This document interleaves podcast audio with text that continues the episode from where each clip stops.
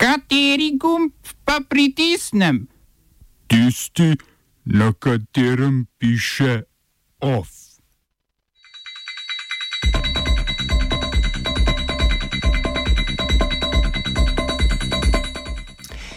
Napad na vojaško oporišče v Burkina Fasu. Turčija pozvala Rusijo k novemu premirju v sirskem Idlibu. Izrael priznal napako novembrskega zračnega napada na civiliste. V Iraku nova volilna zakonodaja.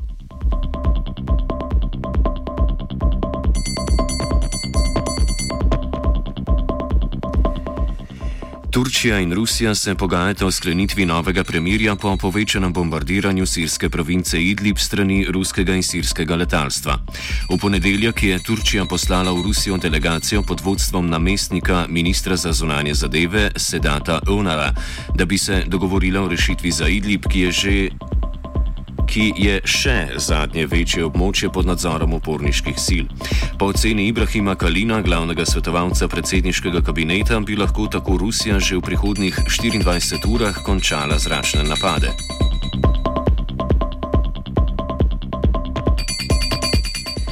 Oborožena skupina je napadla mesto na severu Burkina Fasa in ubila 35 civilistov. V spopadih z varnostnimi silami je bilo na to ubitih 80 napadalcev in 7 pripadnikov varnostnih sil. Nobena skupina ni prevzela odgovornosti za napad, prej pa so bili napadi povezani s tam aktivnimi islamističnimi skupinami. To je najsilovitejši napad v Burkina Fasu, ki je prvi tovrsten teroristični napad doživela leta 2015 po splošnem poslabšanju varnostnih razmer v Sahelu, je sledilo državljanskima vojnama v Libiji in Maliju. Ob tej priložnosti je predsednik Roh Mark Kristjan Kabore razglasil 48 ur nacionalnega žalovanja. Kabore je bil na mesto predsednika izvoljen pred štirimi leti, pred njim pa je državo 37 let vodil Blajs Kompaore.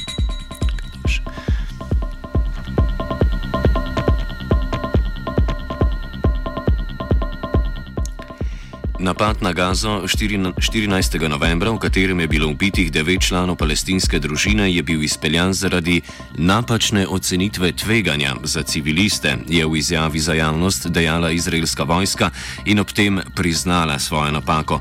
V zračnem napadu so zadeli hišo Rasmija Abu Malhausa, zaposlenega v palestinski samoupravi v Gazi in njegovega brata Mohameda.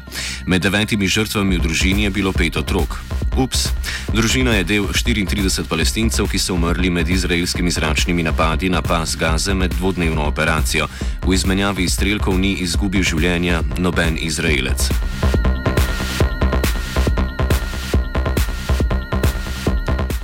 Mehiško zunanje ministrstvo je ponovno obtožilo bolivijsko obveščevalno službo nadlegovanja diplomatskega osebja v La Pazu. Do zaostritve odnosov med latinsko-ameriškima državama je prišlo potem, ko je ameriški oziroma mehiški predsednik Andres Manuel López Obrador prejšnji mesec dal politični azil zadnjemu izvoljenemu bolivijskemu predsedniku Evo Moralesu. Bolivijska nova vlada je odgovorila na obtožbe tako, da je obtožila Mehiko za vlačevanje priznanja nove konzervativne vlade, ki je po puču in lastni interpretaciji ustave prevzela vodenje države. Bolivijska policija naj bi pred mehiško ambasado popisovala ljudi, ki prihajajo in odhajajo iz diplomatskih stavb, prav tako pa naj bi spremljala diplomatska vozila in preprečevala, da bi se ambasador svobodno premikal.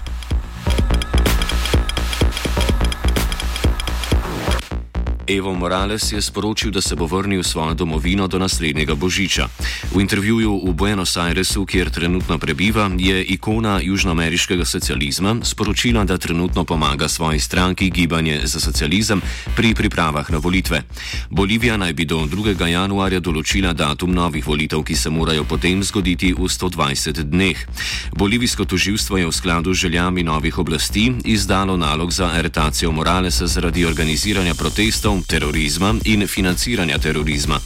Morales tako doma ni več dobrodošel, kot potencijalne kandidate na volitvah pa je omenil svojega bivšega ministra za gospodarstvo Luisa Arseja Katakoro in Andronika Rodrigueza, enega izmed vodij sindikata pridelovalcev koke.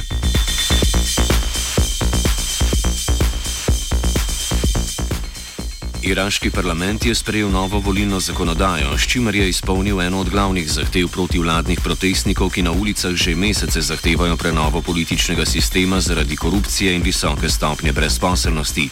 Novi zakon omogoča, da bodo voljivci na parlamentarnih volitvah lahko izbrali tudi posamezne kandidate in ne izključno kandidatov strankarskih list. Zakon ob tem določa tudi nove volilne enote, pri čemer en poslanski sedež pripada 100 tisoč voljivcem. S tem se končuje praksa kandidatur političnih strank na enotnih listah, ki je omogočila pridobitev vseh poslanskih sedežev v določeni provinci. Po novem zakonu bo 18 iraških provinc razdeljenih na številne volilne enote. Pod pritiskom protestov je prejšnji mesec odstopil premijer Adel Abdel Mahdi, vendar pa so zaradi nestrinjanj med parlamentarnimi bloki zamudili ustavni rok za imenovanje mandatarja za sestavo nove vlade. Oba, če, če bom odgovoril na angliški. Slovenija will try to help. Uh, We can Slovenija will uh, and we will do our utmost to say that the situation is, our problem ourselves. and uh, We will make further steps as soon as the conditions are. bomo vlado Marjana Cererja, Mira, eh, Marjana Cererja Šarca podprli. uh, very, very serious. we know how and we will.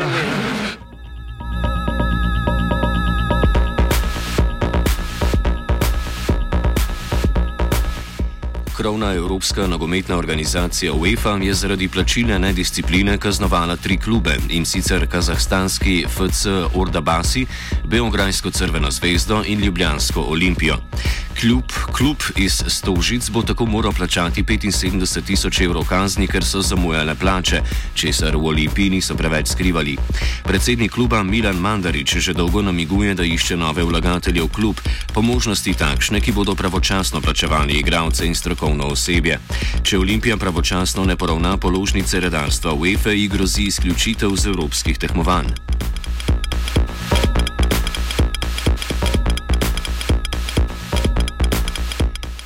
Vlada je na včerajšnji dopisni seji razrešila državnega sekretarja v kabinetu predsednika vlade Vojmirja Urlepa. Urlep je odstop podal sam, premijer Marjan Šarec pa je odstop sprejel. Urlep, ki je bil v Šarčevem kabinetu odgovoren za koordinacijo med ministrstvi, naj bi odstopil iz zdravstvenih razlogov, neuradno pa naj bi bil razlog za Urlepov odhod kadrovanje v državnih podjetjih. Kot je poročala TV Slovenije, je Urlep močno nasprotoval nedavnim nepričakovanim zamenjavam vodstva Petrola in Telekoma. Urlep je skupaj z metodom Dragonjo eden izmed dveh bivših direktorjev Leka med državnimi sekretarji te vlade.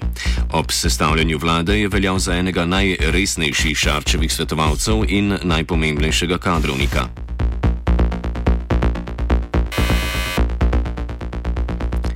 OF je pripravila Anja.